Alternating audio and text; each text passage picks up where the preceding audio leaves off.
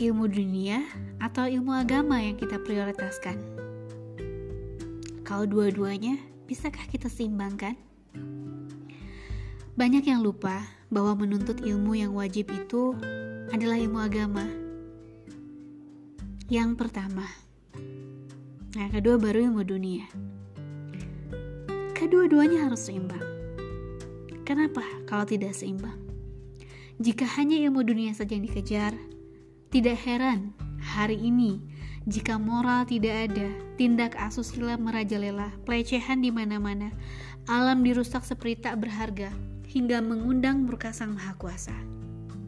Tidak lain dan tidak bukan, karena manusia jauh dari agama. Pendidikannya tidak mengajarkan agama, melainkan hanya waktu yang sedikit saja. Mari kita renungi.